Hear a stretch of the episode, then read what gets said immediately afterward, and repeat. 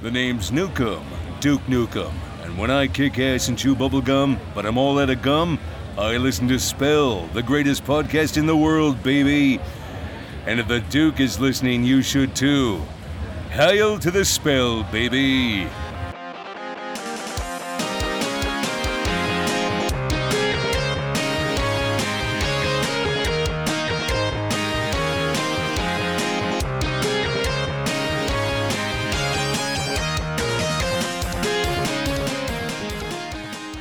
Hallais, og hjertelig velkommen til Spill. Podkasten der vi tar et dypdykk i eldre, men også nye spill. Og forresten, mitt navn er Adrian Haugen og driver spill sammen med Håkon Puntervold. Og i denne episoden skal vi snakke om eh, et spill som ble solgt inn til meg som et skytespill med veldig god grafikk.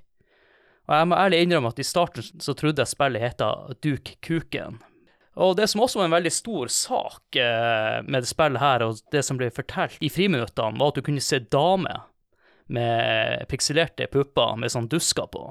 Så det husker jeg jo at eh, vi alle, vi som ikke har spilt spillet, var gleder oss til å se. Når jeg endelig fikk spille Duke Nuken, så var jeg jo veldig skuffa over at eh, de damene var mer pikselerte enn jeg hadde sett for meg. Det jeg heller ikke skjønte med spillet her, var jo at han, uh, Duke Nuken han kvota en god del filmsitater, og det tror jeg faktisk uh, gikk mange år før jeg skjønte det. Og så vil jeg gjøre dere lyttere oppmerksom på at vi blir ikke konsentrerer oss om episode fire, The Birth, og episode fem, Alien World Order. De her to siste episodene kom i, i ettertid. Men nå har jeg snakka nok her, og jeg må jo introdusere min kompanjong. Hjertelig velkommen, Håkon Puntervold. Hei, hei, hei. Hallo. I dag, i, vet du hva, det, det, det, er litt deilig. For at, altså, ja, Vi spiller her inn på vinterstid. Forkjølelse, en lett greie. I dag så føler jeg at jeg har litt sånn der Duke Nukem-voice. Hallais, velkommen til Eller velkommen til spill. ja, det er bra du sier det, Håkon. For jeg glemte ja. å nevne at vi må jo rette en stor takk til han Duke Nukem, som foretrekker ja. å høre på spillet når han eh, ikke er ute og skyter pigcops. Stemmer det. Det var en fin introduksjon av selveste John St. John, som eh, vi fikk eh, muligheten til å hilse på eh, på retromessa i 2022. Men ja, Duke Nukem. Litt av et spill. Det var liksom sånn der Vi spilte mye Doom, litt Quake, og så fikk jeg liksom med meg at Duke Nukem det var mer sånn jeg kaller det litt sånn rølpe versjonen, på en måte. For det, det, var mye tull og tøys. Og litt sånn som du sa der, ja, du kunne se damer. Den, den er jo, for all del, det er jo bare vinn-vinn. Men eh, det var liksom litt den der eh, Han hadde litt attitude. Og det var litt sånn Ja. Det var liksom ryktes rundt, da. At det var litt cool, istedenfor bare splett, sånn som det var med Doom og det. Mm. Og vi skal gå nærmere inn på det litt senere, men Håkon, vi er jo nødt til å introdusere gjestene våre. Det må vi. Vi har to gjester med oss. Begge har vært gjester her før. Den første vi kan inn med, det er mm, en som kommer fra det man kaller for Radcorp Tower fra oljehovedstaden Stavegas.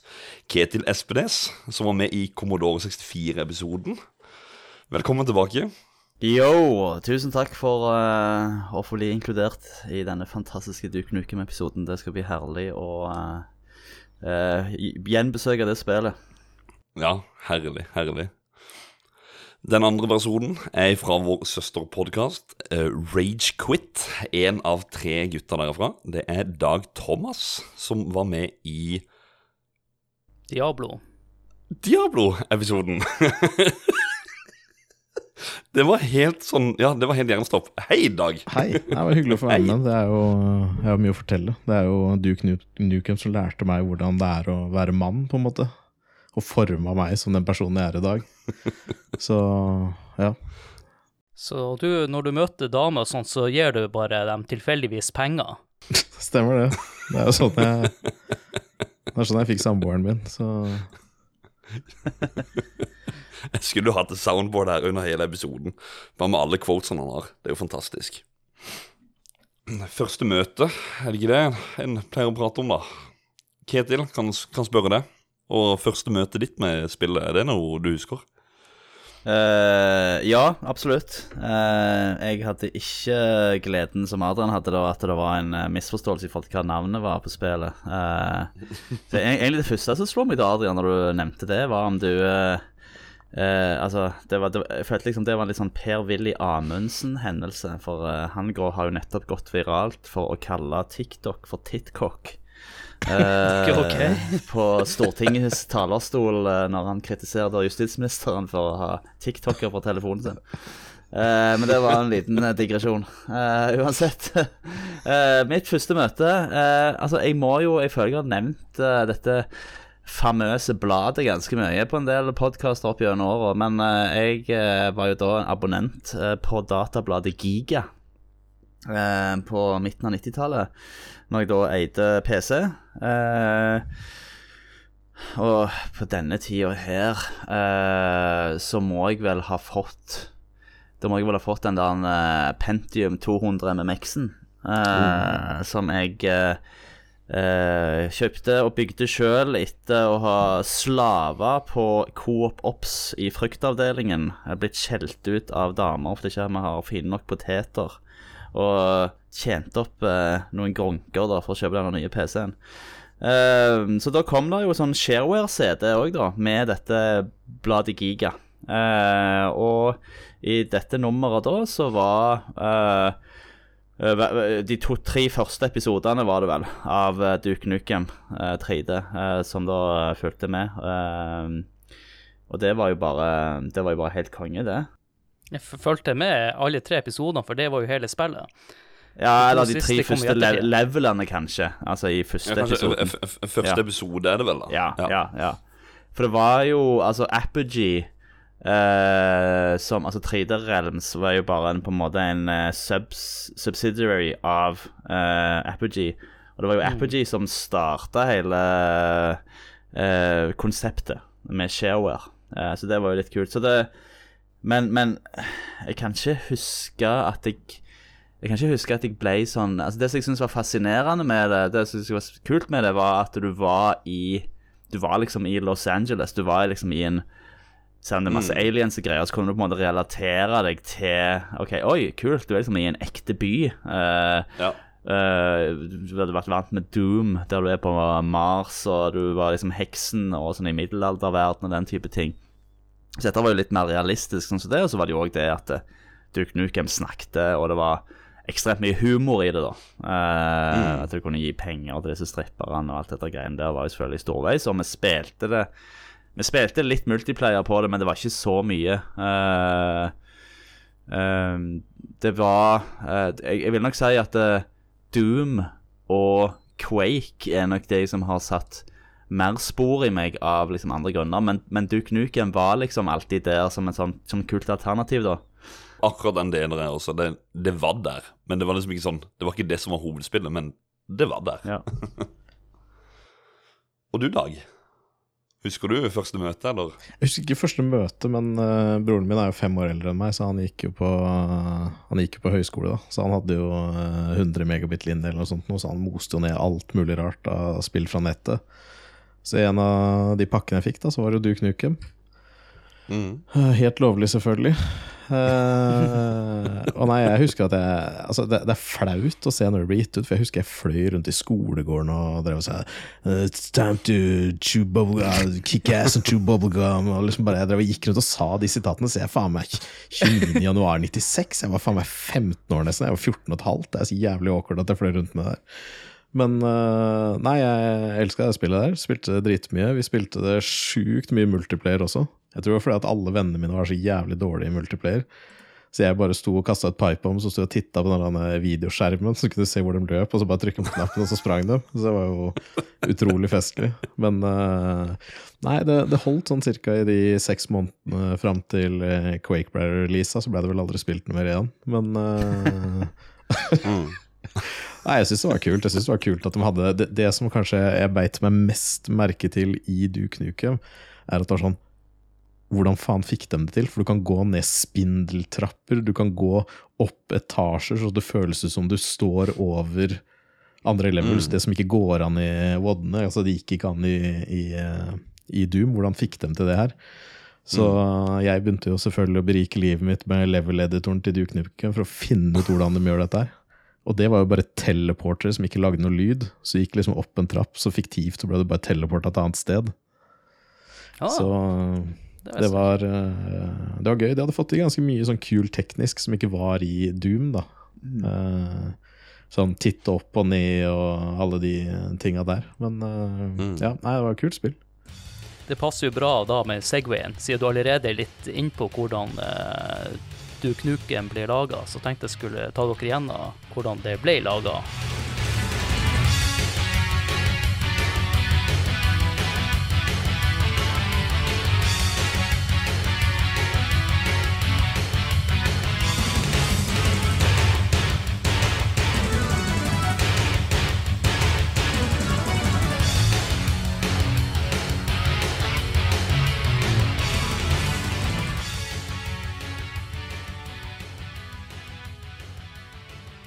Det hele starter med 3D Realms, eller som de på den tida heter Apogee Software.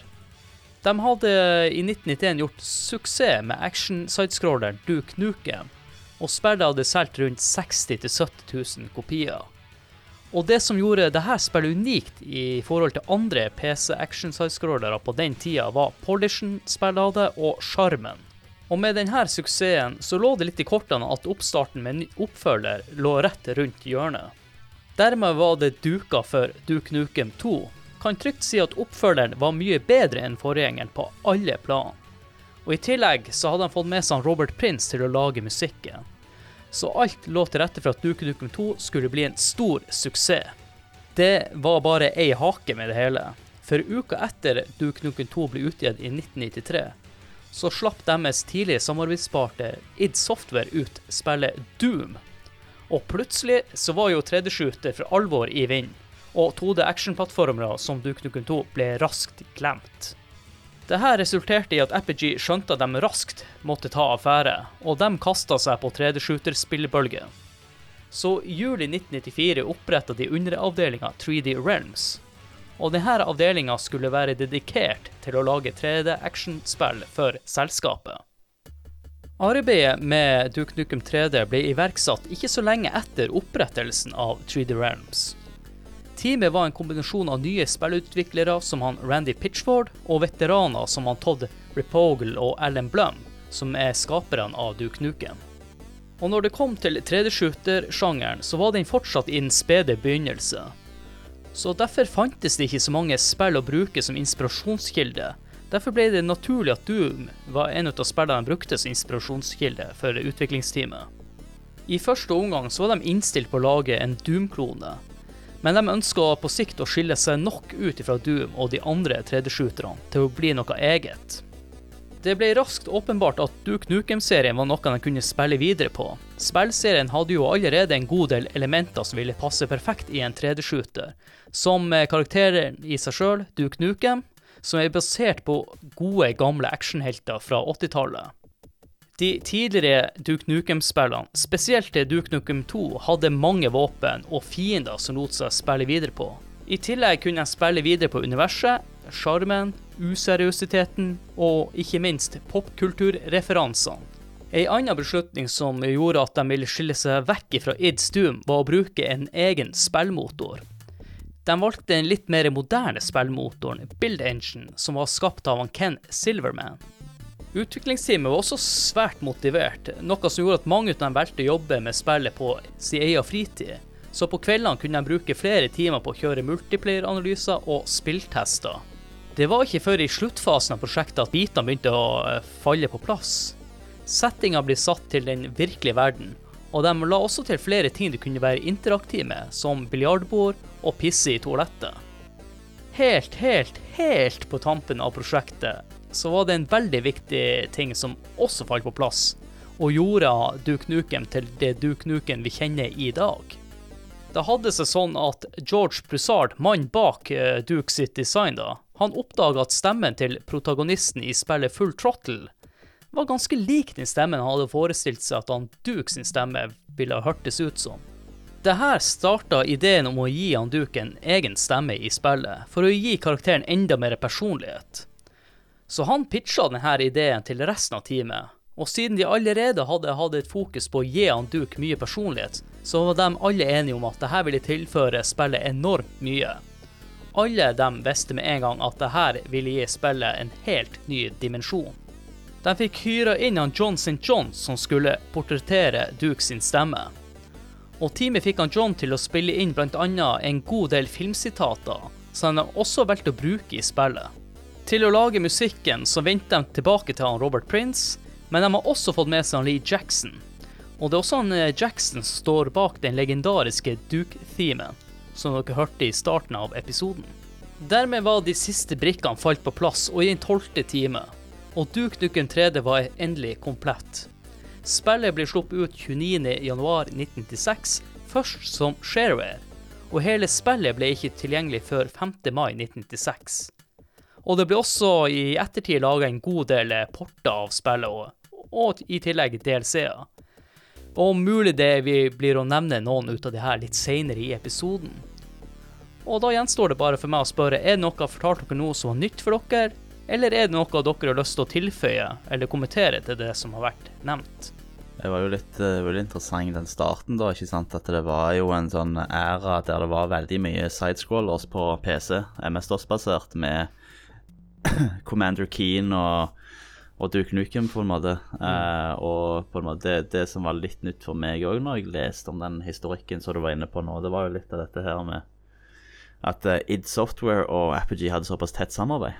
For de var jo med å gi ut Commander Keen og Wolfenstein 3D.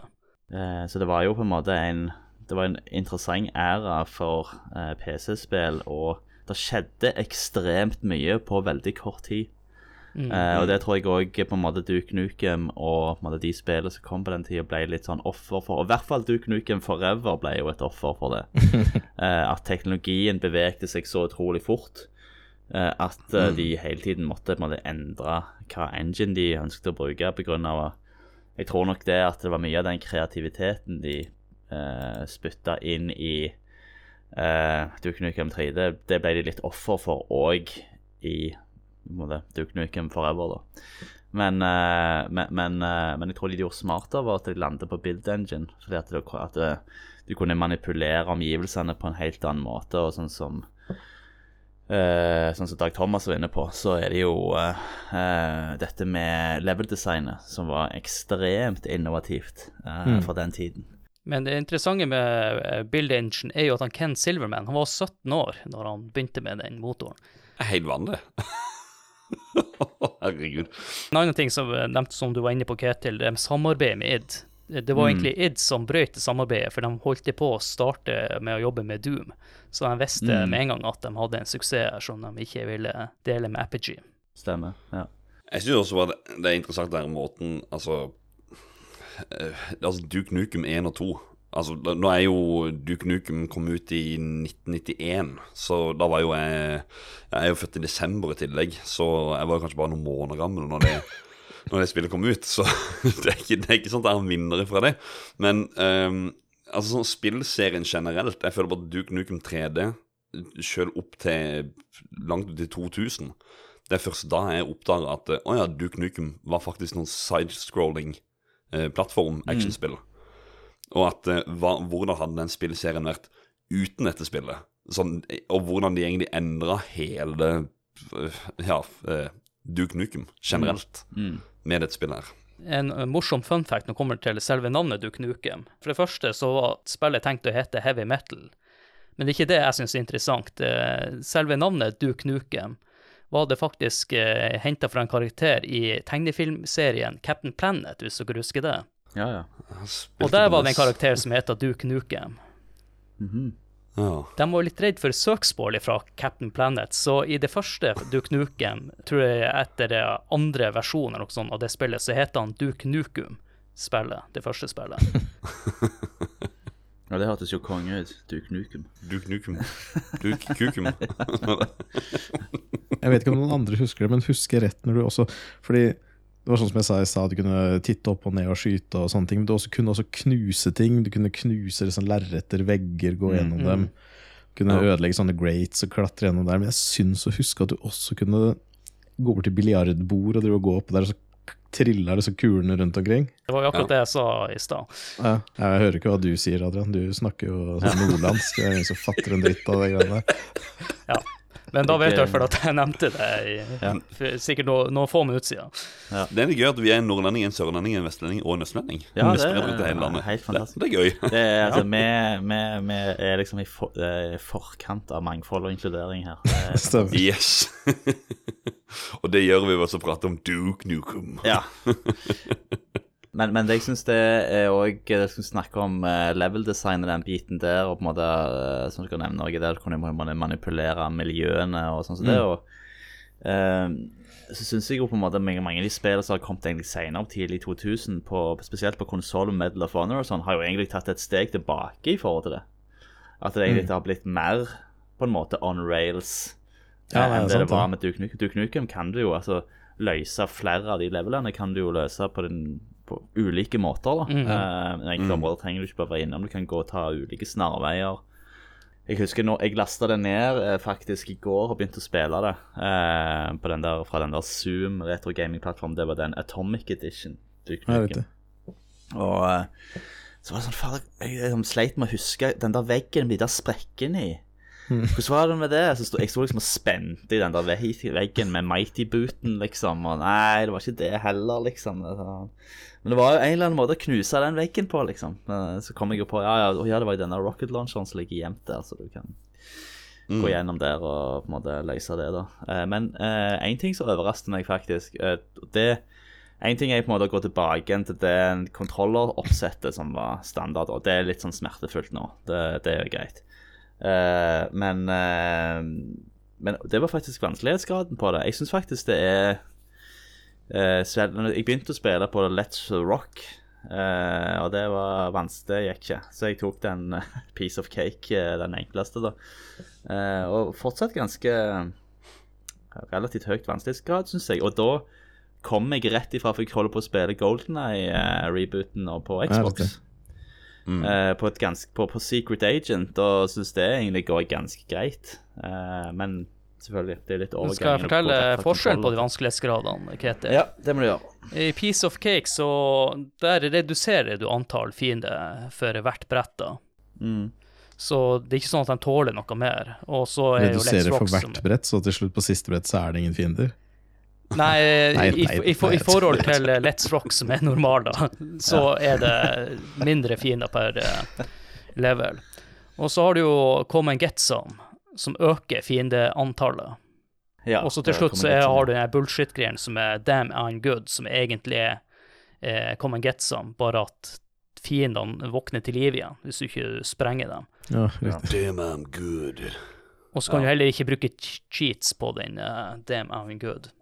Ja, nedtur. Men det som, også, det som også var ganske kult med det spillet her, var jo alle de der itemsa items du kunne få.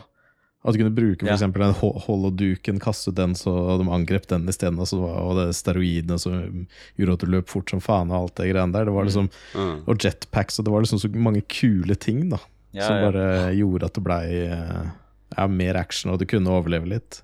Ja, de innførte mange nye elementer som eh, i hvert fall ikke jeg hadde sett før. Men jeg tenker vi må jo først snakke litt om selve karakteren, han Duke Nukem. Mm. Som er, jo- er jo med å skape den opplevelsen av noe annet enn det man hadde spilt med Wolfenstein og Doom, for min del i hvert fall. Ja. Bare det at han prater.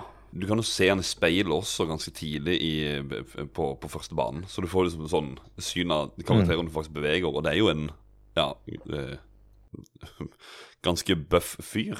Eh, løper rundt i signet med gunner og svære, feite solbriller og Jeg vet ikke. eh, klassisk 80-talls eh, Det det er jo det han basert på, han Arnold Schwarzenegger. og Ja, ja, ja. ja.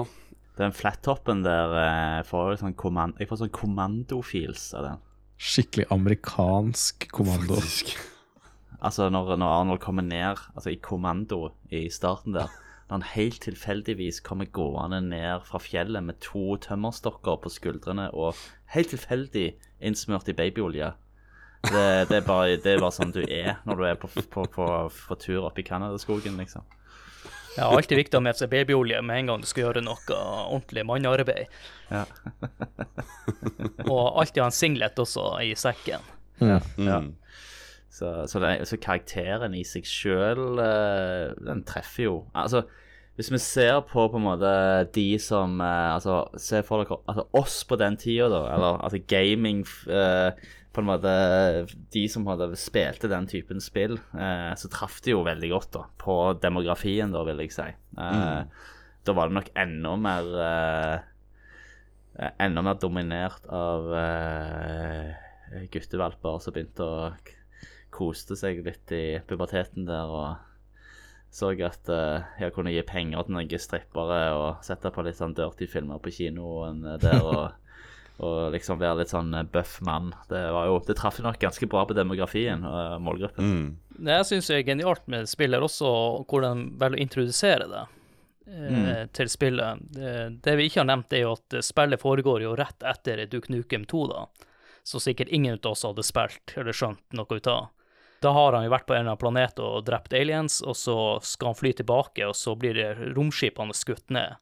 Så i starten så detter du ned på et hustak, og så ser du romskipet ditt eh, styrt i noen bygninger litt lenger bort. Og det var også litt med spillet i bakgrunnen, at du fikk den byfølelsen som du snakker om, Ketil. Mm, mm. Og det første du skal gjøre, det er jo å lære deg at du kan skyte på ting som eksploderer. Ja. Og så hopper du ned i sjakt, og så er det bare å leke seg rundt, for da er det akkurat som du er i, i ei gate, da. Og så har du muligheten, til, som du nevnte med rocket launcheren, å hoppe opp til noe vindu, og du finner jo kanskje de fleste våpnene eh, ganske fort i spillet. Både rocket launcheren, jetpacken og hagla og ja, alle de tre kommer jo på første nivå, ja. På første, ja. Det var, det var ganske revolusjonerende det i forhold til Doom og Wolfenstein, som var litt mer satt her. Ja, det var flere måter å løse bretter på, som du nevnte, Ketil. Og hva er det mest tilfredsstillende våpenet? Ja, det er jo pipe bombs. Yes! det var akkurat det jeg skulle si. Selv om i multiplayer så var det kult å shrinke folk og tråkke på dem òg. Ja, ja, ja. Det, det også var veldig tilfredsstillende. Å fryse de og spenne på de etterpå. Perfekte våpenet. Mm. Først inne på våpnene, så, um, eh, så vil jeg også nevne den der andre pistolen, som skyter raskere enn uh, maskinpistoler i andre spill. Mm. Det var jo helt, helt sinnssykt høy eh, skuddtakt på den eh, pistolen. Selvfølgelig Pipebomb er jo eh, kul, men jeg likte også The Mighty Foot. Du Nukem-sparket, som jeg kaller det for. Ja. De andre spillene hadde jo alltid en knyttneve. Og vi kan jo heller ikke glemme, du som spilte Golden Eye, det slap-slaget til han uh, Pierce Brosnan. Snappers only. Men det, det her er en sparket du, du satt igjen med at du, du følte deg for at det var litt trøkk bak det sparket til han Duke Nukem. Det er liksom knyttneven i Doom, egentlig. Ja, ja. Men eh, da er du når du får den modusen at det er jo det er one hit kill, da, med, med knyttneven, så er altså Ja, det, det er et spark, altså, hallo. Det er Det er hardt. Du kjenner det. Ja, jeg vil i hvert fall også trekke frem selvfølgelig Devastator, Devastatoren, det er minirakettkasteren, Ja. som er veldig viktig, og ikke minst det kanskje mest kjente våpenet, som er Shrinker, Mm. Mm. Der du krymper fiendene, og så er det bare å trø på dem etterpå. Og det er et veldig viktig våpen, spesielt litt senere i spillet, når uh, fiendene blir litt vanskeligere, når du blir introdusert til noen jævlige fiender. Skal, skal, skal spille multiplayer med Dag nå i, en gang i fremtiden. Skal bare shrinke han og trampe på han. Ta, ta alle de tapte liv for hans kamerater i back in the day. Vi skal kjempe oss gjennom det som vi kjempa oss gjennom Doom. Og når du er inne på Doom, så vil jeg også nevne at en shotgun her er bra, men ikke like bra som i Doom 2. Nei, nei. Ingenting er like bra som shotgun i Doom 2. Kanskje måle seg med double barrel shotgun. Nei. Og det er sånn som den Devastator missile missile launcheren. Den er heller ikke like fet som uh, Drunk Missiles fra Rise of the Triads. Og det er morsomt at du nevner det spillet, Dag, for det var faktisk det første 3D-shooteren til uh, Apogee. Det er ikke Duke Nukem. Mm, mm. Var det under 3D Realms, eller var det Nei, det var under, var under Apogee. Apogee, Ja, ok, ja. Ok, for, uh, Siden jeg spiller Golden Eye òg nå, syns jeg faktisk når du skyter fiendene i Golden Eye, så er det, er det, litt, mer, det er litt mer tilfredsstillende enn å skyte fiender i uh, Duke Nukem. Uh, for jeg Ja. synes Når du skyter i Duke Nukem, så er det sånn Ja, OK, du ser liksom Du får ikke den der lyden at, du, du, du, duk, at liksom, du virkelig hører at det treffer noe på samme måten, da. Men uh, våpnene er jo utrolig, utrolig kule, og det er mye kjekkere å sparke folk med Mighty Foot enn den der hånda i Golden Eye, der du må stå liksom Så jeg spilte en Escape from Bunker. Når du åpner der fengselet, så skal du stå, som, stå litt på avstand for å treffe han fienden. Bare sånn, prøve et par ganger. sånn. Å ja, der traff jeg konge. Jeg kan jo bare nevne de siste våpnene nå, da, som ikke er nevnt. Du har jo Chain Ja. Gun Cannon, som også har et annet navn, som heter Ripper i uh, manual. Mm. Uh, og så har du jo uh, Freeze Thrower, som egentlig jeg syns er litt sånn sucky våpen. Og i tillegg så har du den der han uh, Det her er de to DLC-ene jeg sa at jeg egentlig ikke skulle nevne, da. Men du har Incanator i 20 Anniversary Edition, og så har du Expander i Atomic Edition i tillegg. Mm. Og så items, eh, Dag Thomas var inne på jetpacken, som er også et sånn ikonisk item. Men Holoduke, du nevnte det i stad, Dag, det er kanskje Mm. mest ubrukelige til itemet i hele spillet, fordi at uh, det er jo ingen fiender som skyter på den. Jo da. Det, det bare føltes sånn. Ikke? Du slenger den ut, så bare føler du litt mer invincible, liksom. Tar den, tar noen Sånn steroider, løper rundt og så rett og Ja, ja. Det holder, det. Så har du jo også eh, steroider som egentlig gjør spillet vanskeligere, for han går jo inn, inn i helvetes vorter. Mm. Ja. Så jeg vil anbefale folk å ikke gå på steroider i spillet her, i hvert fall. Bare IRL. Og så har du eh, Night Vision eh, goggles. Her jeg lurer på om du kan eh, se noen ekstra hemmeligheter og noe skrift som ikke i andre spill. Nei, skrift, hva jeg sier, men ja, du, det er Night Ja, du ser hint, bedre. hint at her er, det, her er det noe. Mm. Som sprekken i fjellet i Selda. Bare for å si et helt annet spill. Ja. Mm. Ja, og så har du sånn protective boots da, som gjør at du kan gå på toxic eh, waste. ja. Mm. Vi nevnte også litt i stad at eh, spillet har jo tre episoder. Og det vi kanskje snakker mest om eh, så langt, er jo LA, LA Meltdown, som er, har totalt sju leveler, to eh, hidden levels. Jeg må egentlig berømme episode én, fordi at alle banene er ganske variert. Mm. Bare i Hollywood eh, Holocaust, som er den første level, Jeg liker best navnet på level 2.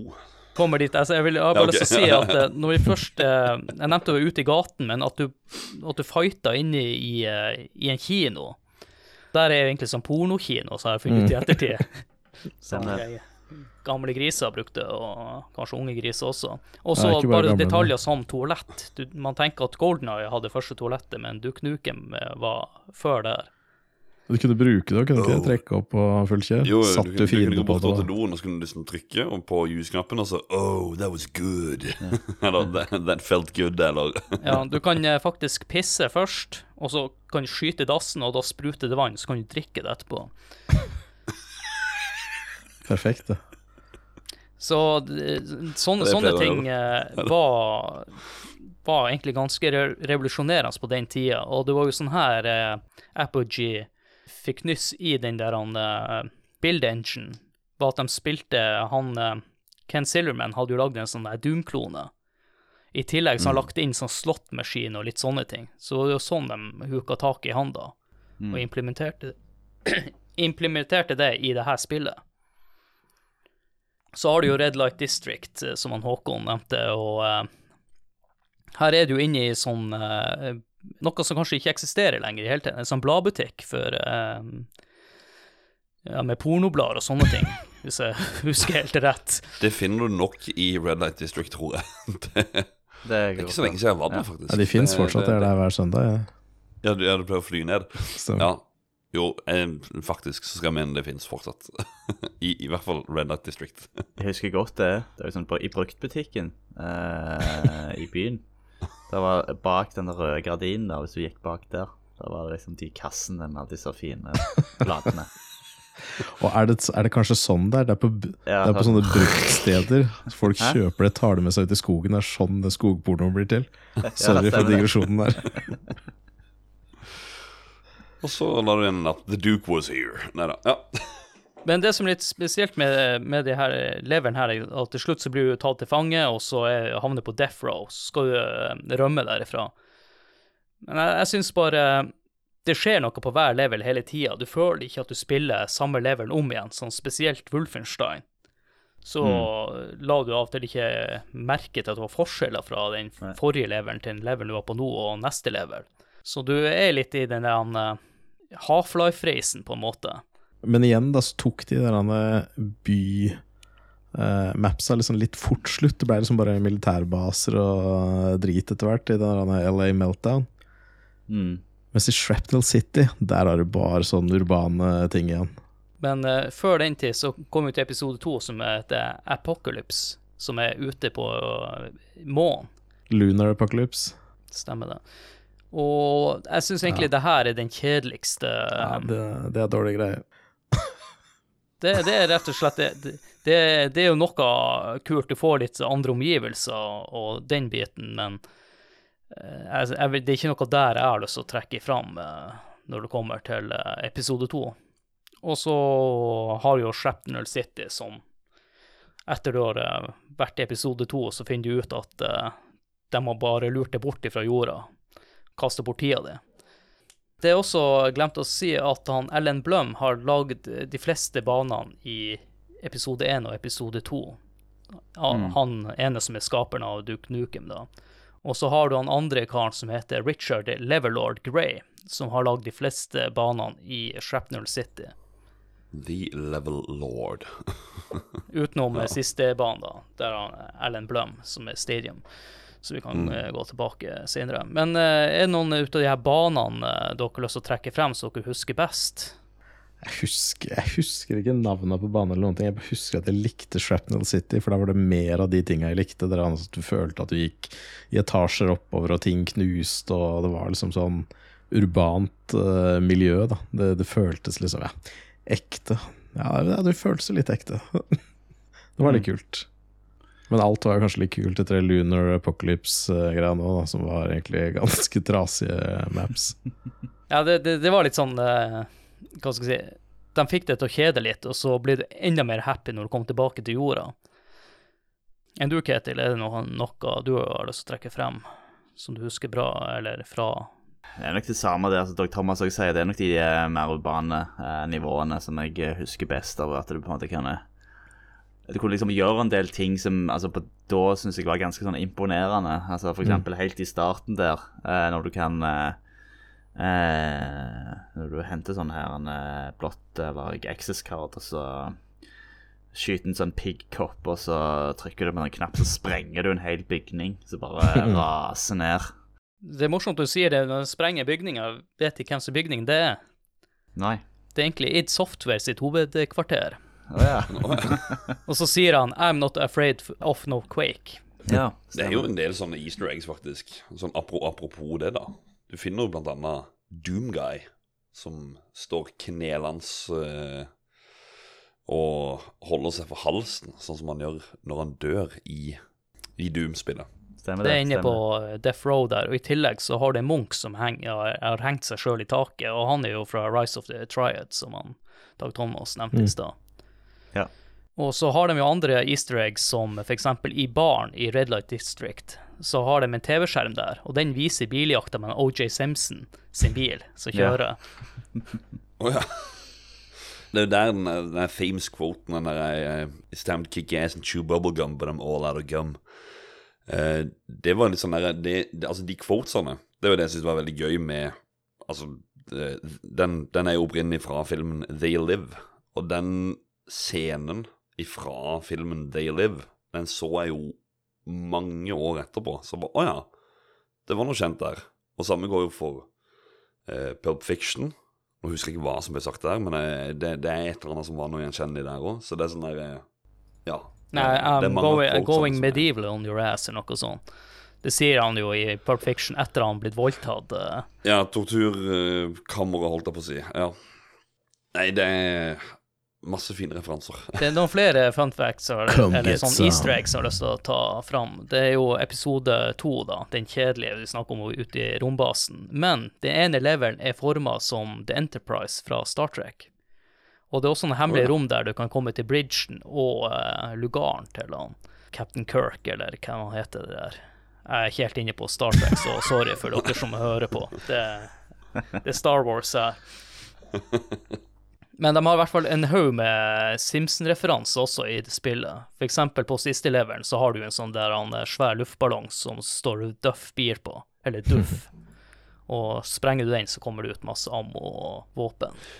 Og det er der Dude, Duffman nå, nå, nå skyter han bare fra hofta. Jeg, jeg har ikke Duffman og Duke Nukem, har de noe kobling med hverandre? Fordi at Duffman i Simpsons, han er fader meg lik, altså. Nei, som som, jeg- som jeg nevnte i stad, så har de henta inspirasjon fra 80-talls-actionheltene, så jeg tror nok ikke det. Nei, men det, det er bare Ja. ja nei. Og så, som du nevnte i filmen Day Live, de har jo henta solbrillene derifra, f.eks. Ja. Vi har eh, vært inne på fiendene. eh, jeg tenkte vi kunne jo snakke litt om dem. Eh, de har jo, som vi nevnte, Pig Cops, som faktisk ikke er alien, men som er muterte politimenn. Mm. Nå er jeg ikke så mye inne eh, på amerikansk humor og politihumor, men eh, de blir jo kalt for pigs, politiet i USA, så de spiller jo litt på det, da. ja. Og i noen level så kjører de jo også i den der flygende saken, Ja. så de er jo et helvete. ja de er irriterende pig Pigcops er generelt sett ganske irriterende fiende. Spesielt hvis det kommer mange av de. Spesielt også når han croucher. Ja. Du møter bare én eller to i starten, der, og så plutselig kommer han susende opp på en container eller noe. Ja, det er vel, det er vel den der andre, det. Det er vel den, de der han, som skyter disse han, fire, eh, han, fireballs på deg. Tenker du på? Ja, jeg tenkte jeg skulle Det er jo vel Assault Commander, er det han du tenker på? Han, eh, Ja. han som er, har, ikke har bein og skyter rakett ut av ræva. De som flyr. Det er Assault Commander.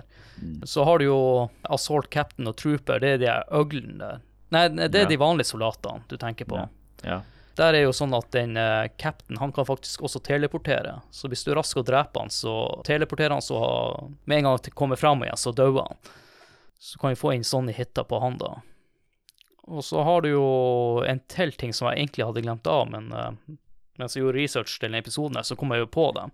Det er jo det grønne slimer-saken, som også kan minne om headcrabs i, eh, i Half-Life, som fester seg til trynet ditt. Det er jo litt interessant at uh, de har hentet inspirasjon til denne eh, saken fra Aliens, men det virker jo også som at Half-Life da henter litt inspirasjon, i, kanskje fra Duke Nukem også, med headcrabs, som fungerer på samme måten da. Det vil ingen innrømme. Nei, det, det tror jeg heller ikke. Min eh, hatfiende er jo Octobrain, og det er av den jævlige lyden jeg lager når den blir truffet. Er det der han er Ja. driten? Ja. De er jo som regel under vann eller i nærheten av noe toxic waste, og... men det er en måte å få dem til å holde kjeft på, det er å bruke den mini-rocket-lunsjeren. stateren. Mm. Da bråker han ikke like mye. Og den fienden som jeg hater aller mest, som er Sentry Drone. Hvis dere husker den, eller har dere fortrengt det? Jeg har sikkert fortrengt det. Var det sånn Nei, det var ikke Nei, jeg husker ikke. Det er sånn flygende, rund sak. Eh, sånn eh, Ja, med en gang han ser det, så er det full kamikaze. Du hører han eh, gire opp noen hakk. Men det er en måte å cheese de her på. Det er døren i Duke Nukem. For hvis du er rask nok og lukker dem igjen, så krasjer de i døra. Så du lukker dem til deg, og så lukker en døra. Å ja. Men en annen ting som er spesielt med døren i Duke Nukem, det var eh, Jeg tror den første eh, versjonen ut av Duke Nukem, så kunne døren drepe deg hvis du havna imellom dem. Og så har du jo Enforceren, det er jo han som skyter med den, eh, den der han er minigun, da. De øglene der. De er helt greie, men du møter dem ikke før inne på Lunar Apocalypse, da. Og så har du jo Battlelorden, som er førstebossen i episode 1. Er det han som sto ute i fotballbanen? Nei, nei det, er en, det er en annen boss, men. Battlelorden i episode 1 er Du møter dem i, som vanlige fiender i episode 2 og 3. Ja, riktig. Og i tillegg så er det noe turrets og haier, men det er ikke noe viktig å gå inn på. Så vi kan jo gå inn på de bossene da på Lunar Apocalypse, da. Som en sånn svær øgle. Men han sier jo i starten I will rip off your head and shit down your neck. og den øgla her, han ligner jo litt på den den svære saken i Star Wars episode 3, bare at han har noen rakettkastere på skuldra. Så når du har drept han, så tar han av seg buksa og jetpacken, og så tar han frem avisa, og så driter han eh, på på bossen i ekte Dag Thomas-stil. Ah. Er det, han som, er det han du møter nede Du hopper ned og høl, så er det så lite rom med noe blinkende lys eller noe greier? Ja, stemmer. Deilig. Det er også en liten sånn pluss til Duke Nukem i forhold til uh, Doom og sånt. At de hadde mye sånn klaustrofobiske fights ganske tidlig. Mm. Så at du bare er fanga ned med svær jævla fiende i sånn lite rom, og så Det er selvfølgelig, det er jo en humoren igjen som jeg må berømme dem for, er jo at han torde gjøre de tingene da. Jeg føler at jeg husker siste bossen bedre enn alt annet fra spillet. Han, eh, han Cyclo Emperor. Du slåss på en stadion der. Jeg vet ikke om det var fordi at vi hadde alltid cheats i spillet, sånn at vi skippa til den levelen. Ja, det er den jeg jo husker best. På den eh, stadion du springer rundt der og samler våpen. Ja, og så har du noen Ja. cheerleaders som står der og heier. Det er en ganske lett boss, hvis jeg ikke husker feil. Det er ja, bare Det er for Shrapnel City, ikke sant? Mm. Ja, Ja. det er ja, det er den jeg husker mest, ja. Ja, for der har du jo en stor, eh, stort område å boltre deg på, så Og så er det jo to bosser til, men jeg har ikke lyst til å gå inn på dem, fordi at det her er jo fra episode fire og fem som ikke fulgte med originalen. da. Den ene bossen her er en sånn Alien Queen-sak. Det er jo eh, henta rett ifra Aliens, og den siste minner ganske mye om siste boss i Shrapnel City. Jeg må bare si at spillet var utrolig kreativt på den tida. Det som er normalt i dag, å kunne røre på ting og tang og tråkke på ting og tang, det var ikke normalt på den tida. Nei, det er jo Ja, skal jeg si Det, det, det er jo det jeg syns er fascinerende til og med den dag i dag. Uh, jeg spilte jo sjøl sånn som Ketil her sa i stad, at uh, jeg testa det vel for to dager siden. Og det er bare den derre Du merker alt det ekstra du kan gjøre. Og det jeg syns egentlig er fascinerende til at uh, den tida spillet kom ut mm. Nå spilte jo jeg mest Doom, og det er, jo, det er jo egentlig det jeg har mest minner til fra den tida der, og, og litt grann Quake. Men så er det sånn ja, det er en latterlig mye du kan gjøre i det spillet her som bare er sånn ekstra gøy. Som er sånn artige spoofs eh, med Ja, om det er biljardbord, gå på do eh. Det er jo en arkademaskin med Duke Nukem 2 på. Er det bare noe logo, tror jeg? Nei, nei, du, Så du det noe knukker to. pinballspill. Og så sier han Ja. I have no time to play with myself, eller noe sånt. Ja, og så er det jo karaokebar der, kommer vi på, der han synger Born to be wild, med verdens dårligste sangstemme. Stemmer det. Og det er mye sånn der, eh, sånn der ting. Det er jo det jeg husker som, eh, når jeg var liten, gjorde spillet. mm. Og det er jo derfor du husker Duke Nukem uh, 3D, uh, ikke, sant, i forhold til alle de der andre Doom-klonene som kom ut. Uh, altså du hadde jo Det er jo sinnssykt mye forskjellige sånn Doom-kloner. Du hadde Hexen, du hadde Heretic, du hadde oh, Blood, du hadde Sin. Uh, Sin var jo faktisk ja, Build Engine, det òg, tror jeg. Eh, det var jo uh, helt enormt mye av det, men det var liksom Duke Nukem skilte seg liksom ut på det at det var veldig originalt i forhold til de andre. Det er jo derfor du på en måte husker det eh, godt òg. og og uh, jeg tror det, det var et De var et team som, som traff veldig godt på på mye innenfor det, på den kreative biten. da. Så var det bare synd at det ikke ble en, en oppfølger som kom eh, tidlig, da. Ja, istedenfor seinere, sånn som ja, Forever, som kom Ja. Ja. jeg hadde jo, jeg så på Reddit var det en som hadde sånn kvittering fra 1997. Han hadde forhåndsbestilt Duke Nukem Forever. liksom. Ja, altså, altså Hvis ikke dere som hører på episoden Hvis ikke dere har, har fått med dere fiaskoen eh, Duke Nukem Forever, så Ja, det går inn i spillhistorien, spør du meg. De var jo tidlig ute, som du sa. Mye av det her skyldes jo han George Broussard, som henter inspirasjon fra alle andre spill og vil ha alle de tingene med i de neste Duke Nukem. Mm. Jeg tror det første gangen de begynte med eh, Duke Nukem Forever, så brukte de Quake, eh, Quake sin eh, spillmotor. Quake 2. Ja, først så fikk de jo ikke Quake 2-engine, for den var ikke helt ferdig, så de begynte først på den van, altså Quake 1-engine, og så fikk de Quake 2. Eh, og så begynte de med å rote med Unreal, og så ja, gikk de jo slag i slag.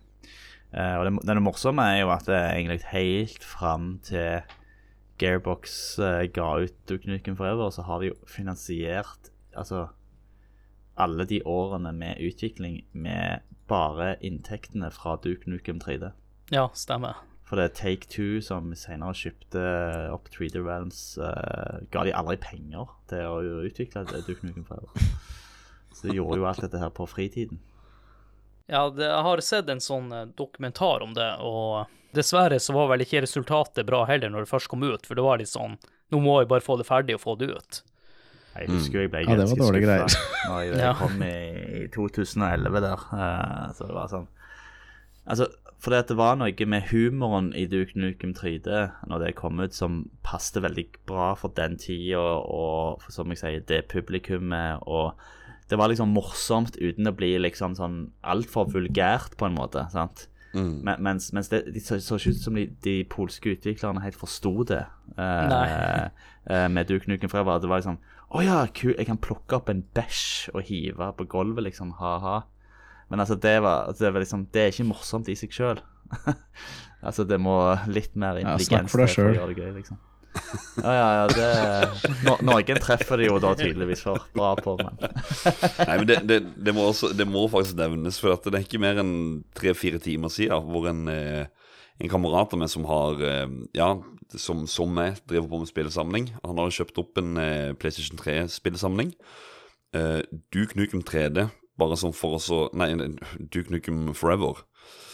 Eh, det var Jeg tror det var komplett på et tidspunkt. De solgte spillet til én krone for at de skulle bare ha det ut av lager. Og når han kjøpte en spillsamling nå med PlayStation 3-spill, så var det 50 forsegla Duke Nukem Forever. Så det var et tidspunkt hvor mange kjøpte det eh, i bunkevis bare for at det var så billig.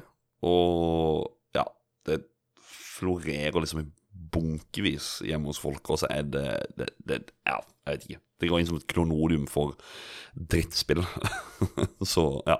det var ikke det spillet jeg har i samlingen som jeg eh, forventer skal dra inn the big bucks. Nei, altså, jeg skal jo si det at å møte John St. John på, på retromessa, så jeg- jeg vil Altså, det er jo et av spillene jeg hadde lyst til å få signert og spurt liksom sånn How bad was it? liksom sånn, sånn for å spørre hva, hva, hva syns du personlig i forhold til hvordan 3D-en var? Så var det jo en del spin-offs òg opp gjennom åra, da. Eh, hadde jo Manhattan Project. Det er ikke så Så verst, det, egentlig. Nei, det er vel et av de bedre, uh, tror jeg. Jeg tror det ble gitt ut et katastrofalt dårlig til DS, blant annet. Uh, litt sånn forskjellig. Ja, Det kom jo en også til det der eh, Det var jo Tiger, de som hadde de LCD-spillerne. Det kom jo ut en sånn der er jeg, jeg holdt på å si Gismondo, men det, det er jo ikke den annen sånn håndholdt konsoll. Helt grusomt. Uh, den der, uh, den der uh, game.com. ja, stemmer. Ja. Game.com. Der kom det også en versjon av det. Eh, Vi er inne på mye dårlig her nå med Duck Nuken. Derfor har jeg lyst til at vi skal snakke om den siste bra tingen med hele spillet før vi går over til uh, lyttespalten, og det er musikken. Ja. Ja! Og det er faktisk en, en track til hver brett, eller hver level, da. Så det er ingen eh, ut av den eh, level-musikken som blir brukt om igjen. Det syns jeg er, er en bra eh, styrke da, til spillet. Hva dere synes sånn generelt om musikken? Den er jo helt konge. Den, den setter seg jo på hjernen med en gang. Eh, den har Ja. jeg, altså det er jo, Du hørte den igjen nå. Jeg hørte den igjen nå i spillet, så det er bare sånn Å ja, yes, konge. Det Ja, er Mm. et riff som bare sånn setter seg med en gang. Og du hører jo også at eh, det er jo samme han Robert Prince da også har lagd musikk til Doom. Man kjenner igjen eh, den Ja. samme type musikken da. Det er akkurat det jeg vil si, at det, det er litt sånn som det de gjør som en suksess i Doom, at det er den der musikken setter stemninga og er med Altså, it's time to kick ass and chew bubblegum. Altså, ja, det, det er det, liksom. Nå, nå skal du ut og banke aliens og ha det fett, eller monstre. Ja. Så eh, den treffer på alle mulige måter. Og før vi runder av, så tenkte jeg skulle spørre dere eh, Hvis folk har lyst til å gjenoppleve Duke Nukem 3D, hvordan eh, versjon bør de teste ut? Der har ikke jeg gjort noe ordentlig research, annet enn at jeg vet at det skal ligge en på GOG. Kom det ikke ut en remake i 2006 eller noe? For det ble noe sånn dispute med musikken. Det er jeg litt usikker på, faktisk. Eh, jeg så bare for meg at Jeg vet ikke om den 20 Anniversary-saken tror jeg er bra, for du kan, du kan endre litt på grafikken inni spillet. Den er litt mer polished, men du kan også, bare med knappetaster på tastaturet, så kan du endre den til den originale grafikken, og litt sånne ting. For du, du hadde jo sånn som Ja, tidligere nevnt mange av episodene. altså Doom, Doom har jo også et sånn vanvittig stort community som gjør at spillet eh, Doom er mer spillbart på en, en noen annen måte enn det det var før. Og Jeg er ganske sikker på at Duke Nukem skal ha noenlunde det samme. Jeg har ikke full kontroll på akkurat det, eh, siden du er liksom det som ligger høyest på radaren der. Men eh, det er nok grafikkoppgraderinger, eh, kontrolloppgraderinger eh, i ymse slag. Jeg så, jeg så én ting for Adrian. Du kan laste ned High-Risk Pack, for du High-Risk strippere som stripper der.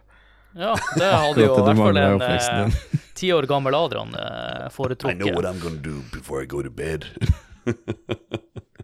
Og jeg tror egentlig med den kommentaren der, Håkon, så Jeg sa vi skulle gå over til lyttespalten, men vi skal faktisk rate Duke Nukem 3D først, før vi går over til lyttespalten. ja.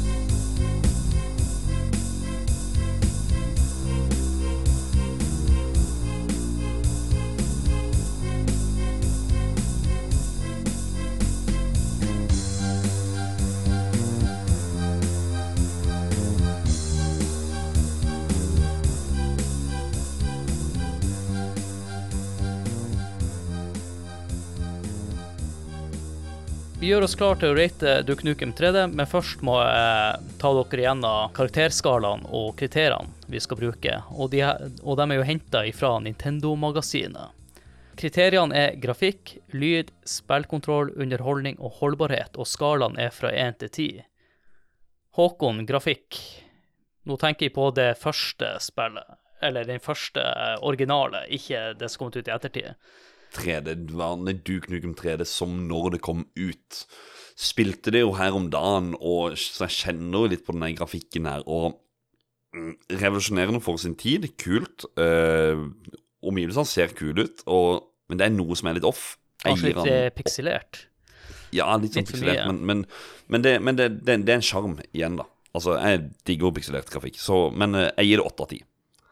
Ketil, Ja, MS-DOS, pikselert grafikk. Nydelig. Jeg elsker det. Eh, pistolen i seg sjøl er så deilig å se på. Eh, eh, og eh, sprite-baserte fiender og deg sjøl er jo sprite-basert, selvfølgelig. Eh, 2D. Eh, men for sin tid eh, bra. Eh, jeg gir det, syv av ti. Syv.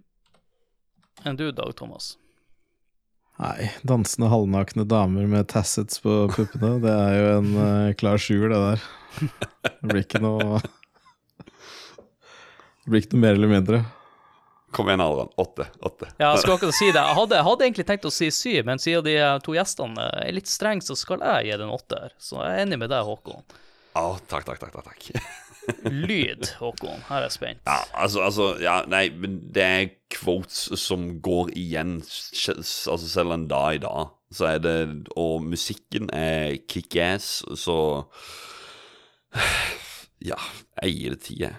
Altså, ethvert metal-band hadde jo vært eh, er jo misunnelige på denne musikken. Altså, hadde uh, Metallica, Slayer, Antrax eller Megadeth uh, funnet på det riffet der, så hadde de jo hatt uh, Ja, hatt, hatt en eh, hit. Eh, når det gjelder lyd, våpenlyd er det jeg tenker på aller først. Noen av våpnene er veldig tilfredsstillende, syns jeg. Blant pistolen er veldig tilfredsstillende. Hagla ikke så mye maskingeværet. eh, det er litt sånn 50-50 der. Jeg gir det seks av ti. Hæ? Ja, greit, tilskudd, til. Dag Thomas. Skandale. Ja, nei, altså det er jo eh, Det er veldig mye bra quotes og eh, alt mulig, men jeg blir mest flau over å ha brukt dem sjøl. Så det er det jeg føler litt på, da, sånn i ettertid. Ja, men da er jo han bra, da, når du, du ble påvirka av det. Nei, det er ikke det. Men jeg føler at det er ekstremt negativt at jeg fløy rundt i skolegården og sa de greiene der. Du sa 'shake s- baby' til de jentene i klassen. Ja, alt sammen. Jeg var sjukt metoo på ungdomsskolen. Så nei, jeg tar sterk avstand fra det og gir en uh, sekser, ja. Ok, da må jeg, jeg er enig med deg, Håkon. Jeg var fast bestemt på ti før vi satte i gang der, så jeg må jo berge den skandalen. Jeg tenkte ti over hele fjøla her, men, men jeg er jo enig om, om dette her med, med altså Du er ikke enig med dem, du er enig med meg. Det er en tier, det er fantastisk. Ikoniske lyder, utrolig bra musikk. De har eh, egen tracks for hver bane. Kvotene er ikonisk, lydene er ikonisk, alt er ikonisk. Noen lyder er sånn som sånn, er men. Jo da. men, men voicen og musikken er så bra at det, går opp til en tid for meg. Yes! Ja. Men vi går over til neste. Spillkontroll. Og Mm, ikke så fan, egentlig. Uh, det er noe som bare er så clunky med han uh, Ja, uten å klare å gå så veldig i detalj. Så seks av ti. Og Desken har blitt påvirka av de andre to her. Nå kommer han Ketil.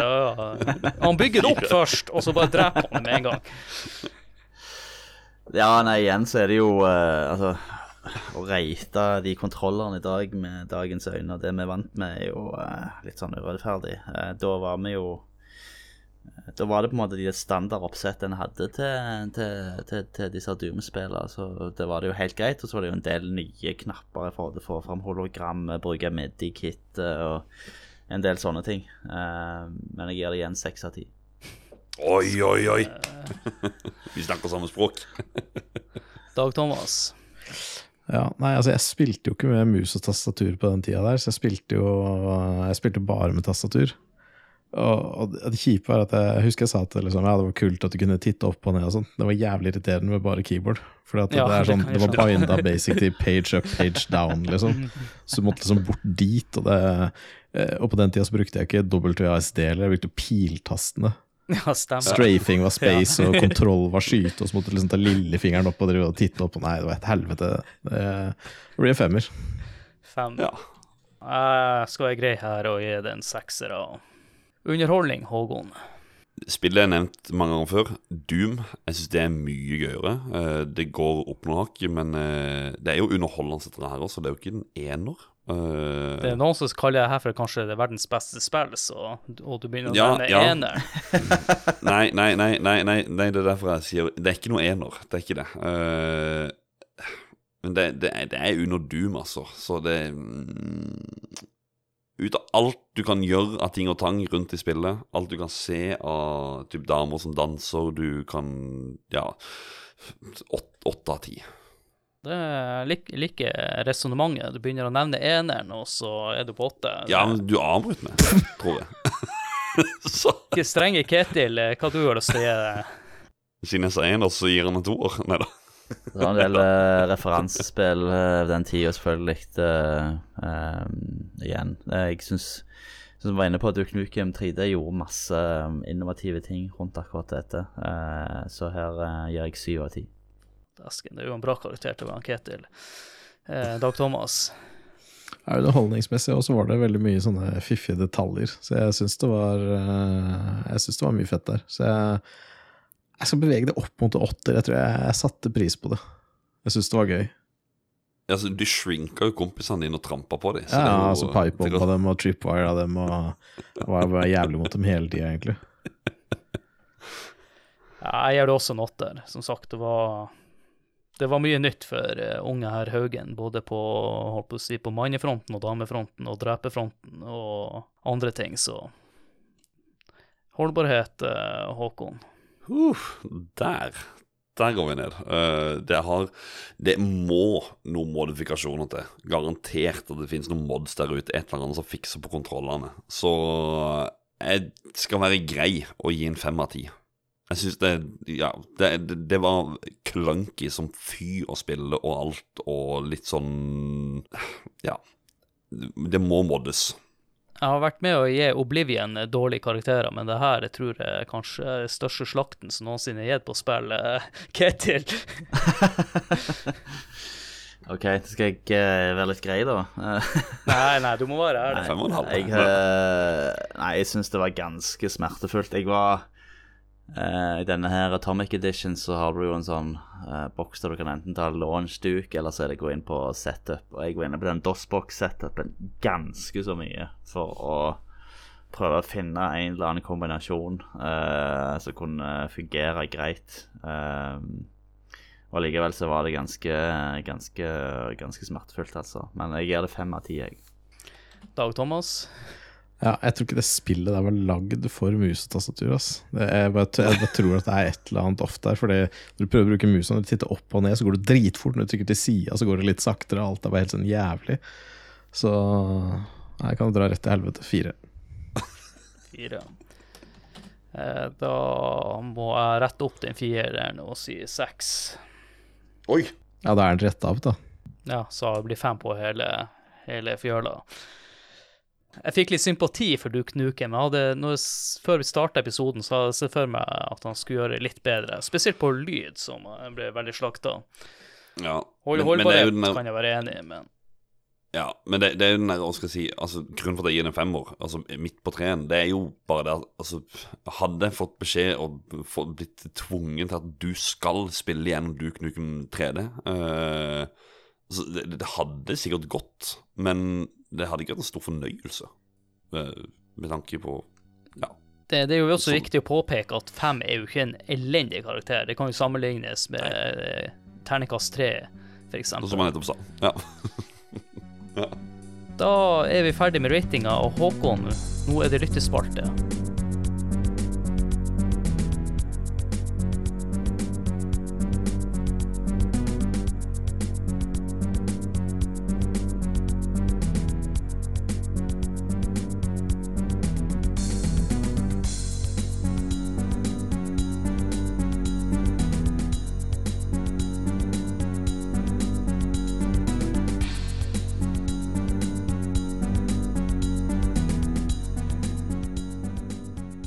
Vi var inne på eh, Inne på discorden vår og spurte der, også inne på Facebook, eh, communityet. Men eh, vi kan begynne inne på discord.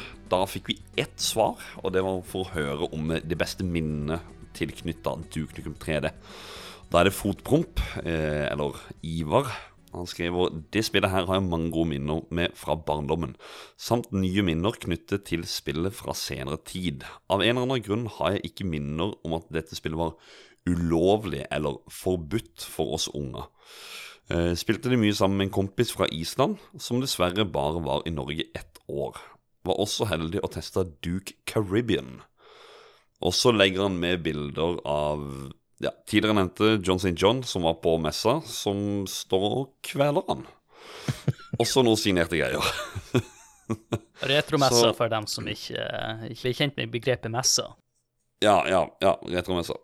Så jeg håper du lever fortsatt, selv om du blir kvelt av selveste John St. John. Og hvis man tenner litt på sånn kvelegreier, så vet de dere hvem dere skal besøke. Ja. Jeg kan ta neste inne på spillgruppa på Facebook, som er, heter Spill Community. Så hvis du ikke er inne der, så gjerne join den gruppa. Og først ut av Olav Øyan. Han sier bare 'tidenes quote-hyllest til fantastiske B-filmer', men 'Hail to the King, baby' fra Army of Darkness tar kaka. Faktisk ikke den filmen jeg har sett. Jeg har bare hørt om den. Det er en kar med har sånn Ja, med motorsagarm. Ja. Ash vet det. Ja. Neste, Rolf Alexander og Organtini Gråberget. Uh, Shareware Demo, som var med et eller annet blad mulig PC-gamer. Jeg hadde ikke peiling på hva det var for noe. Inn med disken, installerte og fyrte opp. Dæven, den intromusikken som blæsta inn i øregangene mine. Fikk vel bare spilt de to første banene eller noe sånt. Uh, men de blir spilt flittig, for å si det mildt. Hail to the king, baby! Nestemann ut er Daniel Skive Husbjaune, som jeg først leste siste navnet som Hayabusa, som er jo vel en eh, motorsykkelnavn. Men han eh, sier uansett hadde et seks år eldre søskenbarn som fikk låne datarommet på videregående for å studere i helgen. Han gikk på barneskole og ble invitert med, og dette ble hans første opplevelse med Duke Nukem 3D og LAN. Stor opplevelse for en liten kid som fikk spille med de store gutta. Jesus Christ. Life, sier bare på den tida der, da. Trond Sinfor Borgersen. Beste minne er å ha møtt selveste Duke og tatt bilder, uten å ha spilt noen av spillene selv. Det vil jeg si er skuffende, Trond. Du er jo mann i din beste alder. Du er midt i målgruppa for Duke Nukem 3D. Han burde spille Duke Nukem Time to Kill, siden han er en PlayStation 1-fan. Jeg tror ikke det ser veldig bra ut, og jeg skal ikke besøke spillet heller. Neste mann ut er Martin Pettersen. Han sier det verste minnet er at selveste Duke satt og rapa Tequila i trynet på meg. Han hadde noe artig historie da, og det her var ute på kvelden på retromessa, når vi hadde vårt arrangement, vorspiel. Det jeg kan nevne fra den, eh, jeg husker han bestilte en haug med Tequila, og jeg tenkte bare rest in peace, man. At han overlevde det, kudos til hans John St. John for eh, å klare å styrte ned en god del Tequila. Raymond Bryne. duk var og er obligatorisk når gjengen setter seg ned for å lane. Coop med åtte spillere er helt fantastisk. Første banen har jeg spilt gjennom 1734 ganger, om jeg ikke husker feil. Hail to the king, baby! Bra det ikke var 1735. Nei da. Det er bra å nevne åtte spillere, for det nevnte jeg ikke i stad, er at multiplieren kan ha maks åtte spillere. Nå er det jo gjort det sånn at alle banene har også lagd at de kan spille multiplayer på dem, så det er ikke noen sånn egne multiplayerbaner i det originale eh, Duke Nukem 3D. Men du kunne jo laste ned egne baner. Kanskje han Dag Thomas har lagd noen ut av dem, for alt jeg vet. Mm. Jeg lekte, jeg lagde huset mitt. Du kunne gå opp i andre etasje og titte ut på svømmebassenget vi ikke hadde. Du var liksom eh, Du var før eh, Roblox, du. Ja, Kjørt. Eh, Rune Trollnes Skog spilte litt hos en kompis når vi gikk på barneskolen, til foreldrenes fortvilelse. Kjøpte på salg til Switchen for en stund siden, ble kjapt inne på hvorfor han ikke spiller skytespill på konsoll. Og jeg er helt enig med deg, skytespill på konsoll er Du spiller på hard automatisk. Jeg husker Nå, nå snakker vi om et annet spill. Det er Wolfenstein, det som kom ut i 2014. Det spilte på PlayStation 4. Og på andre banen der så møter jeg to svære roboter. Jeg gikk tom for ammo. Så jeg satt og gjemte meg inn i et lite hus der og prøvde å øh, finne ammo fortvilt. Så øh, det er jo litt realistisk, da. Når man skyter øh, med våpen i virkeligheten, så er det ikke bare bare å treffe headshots. Men ja, det skytespillet skal spilles på PC, så lenge det ikke er Golden Eye. Erling Rostvåg. Spillet kunne installeres med hele ti med et utropstegn bak. Diskor. Eh, Nei, eh, disketter. Beklager. Ti disketter. Husker at jeg for det meste spilte det første brettet om og om igjen. Og at det var ganske vill level editor i spillet. Så da antar jeg at Erling eh, lagde huset sitt, han også. Så mulig. Dere kan bonde der i dag. Ja, dere kan ha en kveld, du og han Erling Rostvåg, der dere uh, leker dere map-editoren. Nestemann ut er han Stian Karlsen, uh, som eh, velger å ha et humoristisk innslag. Han skriver bare 'It's time to kick gum and chew ass'. Det var feil rekkefølge, men nesten. nesten. Jo, men det var nok gjort med vilje, Håkon. Ja, det var nok det. Ja, for da han skriver også da at uh, han Stian Karlsen skriver at uh, ja, Men beste minne er vel en kompis som var livredd de der blekksprutmonstrene. Uh, og vi satt og lo at han skreik hver gang de dukka opp. Jeg skjønner jo godt, de er jo creepy as fuck. Ja. Til og med jeg fikk angst første gangen jeg så det spetakkelet, og det er jo Vi har jo snakka om det i stad også, at det den lyden han lager når han blir skutt. Så lenge det ikke er den der han, eh, rakettkasteren, så skjønner jeg det bra godt. Mm. Nestemann ut er han Kristoffer Get Boys Hansen. Spillet som gjorde skytespill moro istedenfor ren pang-pang. Jeg elsker da Come Get Some. Ja, nei, det er det vi har nevnt. Det er, det er jo mye ekstra fun added to the game. Sistemann, Martin Gjesdal. Dette tok vel 14 disketter og lang tid å installere. Vi ble blåst av banen av hvor gøy og ujålete det var. Og miksen med aliens og litt sånn Arnold Schwarzenegger funka som fjell. En kort og intens, uh, intens periode. Ikke et spill som har tålt tidens tann uh, særlig bra. Og jeg ble slukt helt av Diablo kort tid etter. Der er jeg fortsatt. En kortvarig prosess der. Men eh, det, var, det var siste inn, eh, innslag fra lytterne, og vi takker jo som alltid så meget for de bidragene dere kommer med når vi spør om dere har noen minner til de spillene vi prater om. Alltid konge å være 100 diskettbasert eh, på, eh, når det, verden holder på å ha gått over til et nytt medium. ja. ja, nei, å ha det på floppy Nei, det Nei. Floppen var litt i veke være med på. Vi sykla så sjukt med rundt i nabolaget for å få de ødelagte floppene kopiert på nytt. Ja. Ja, jeg fortrengte den floppy og den kassen. Du kunne ha masse floppydisk i med sånn lås på, Ja. faktisk. Eh, nå er det jo sånn i spill at eh, gjestene skal få lov til å plugge det de holder på med, og Ketil har lyst til å plugge noe.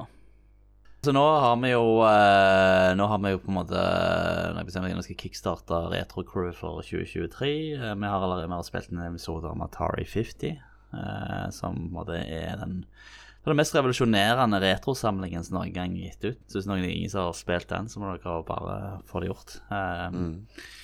Så, så eh, ellers eh, ja, av andre ting som jeg er blitt sånn merkelig fascinert av, så er det mye sånn eh, eh, failed kickstarters. Uh, Syns jeg er veldig kjekt å snakke om for tida, for der er det, skjer det så mye sykt. Og det er noe med den menneskelige mentaliteten rundt det som er veldig fascinerende. Eh, at eh, selv om det er veldig tydelig, f.eks. at eh, Star Citizen aldri kommer til å komme ut i den form de har lovt, så eh, tror folk på det.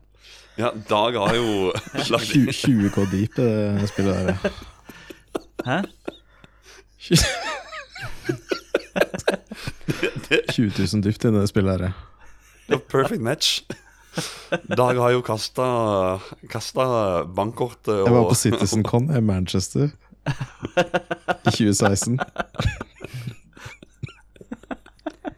Dette var spillet mitt. Jeg har skjønt nå at alt det der er tapt, men det var fortrengt etter mange år. Det er helt amazing. Så det var fælt at du rippa opp i det der igjen. Jeg synes det var en, en nydelig avslutning på, på episoden. Ja. Enn du, Dag? Du, du har jo Ja, du er jo med i en podkast. Den nevner vi jo egentlig i hver episode på, på slutten. Ja, det er uh, Ragequit. Da får du høre min ukentlige bæsjehistorie. Det er vel sånn cirka det det har blitt til. Nå etter Ståler er kjendis og vi ikke får spilt det noe mer.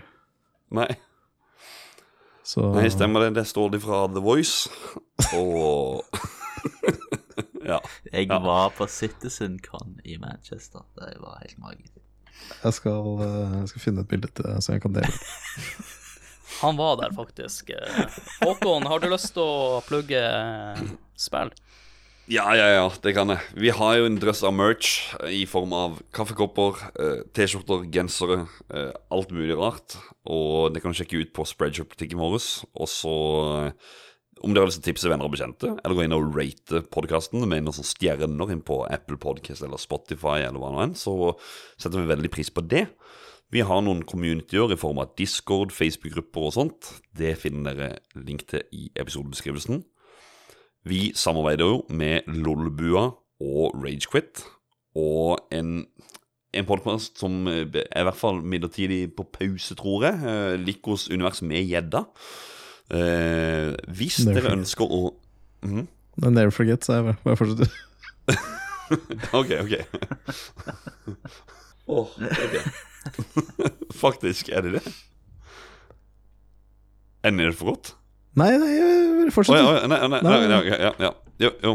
Og hvis dere ønsker å backe oss, så kan dere gjøre det via patrion.com slash lolbua. Der har vi en eh, tier som heter annet Nachspiel, som er bonuspodkasten til spill. Eller så kan dere opp ett takk til, som er festdeltaker, hvor dere da får tillegg til Nachspiel og eh, Roffelbua, som er hele Lolbua Inc. Og mye moro i diverse temaer. Og til slutt så må vi takke Joakim Froholt for alle artikler han skriver om episodene våre inne på spillhistorie.no. Og det var det. Og vil du også rette en stor takk til gjestene som var med på dagens episode. Så takk til deg, Ketil, for at du var med. Takk for invitasjonen. Kommer gjerne tilbake igjen. Og takk til deg, Tag Thomas. Takk for alt du ga, Adrian.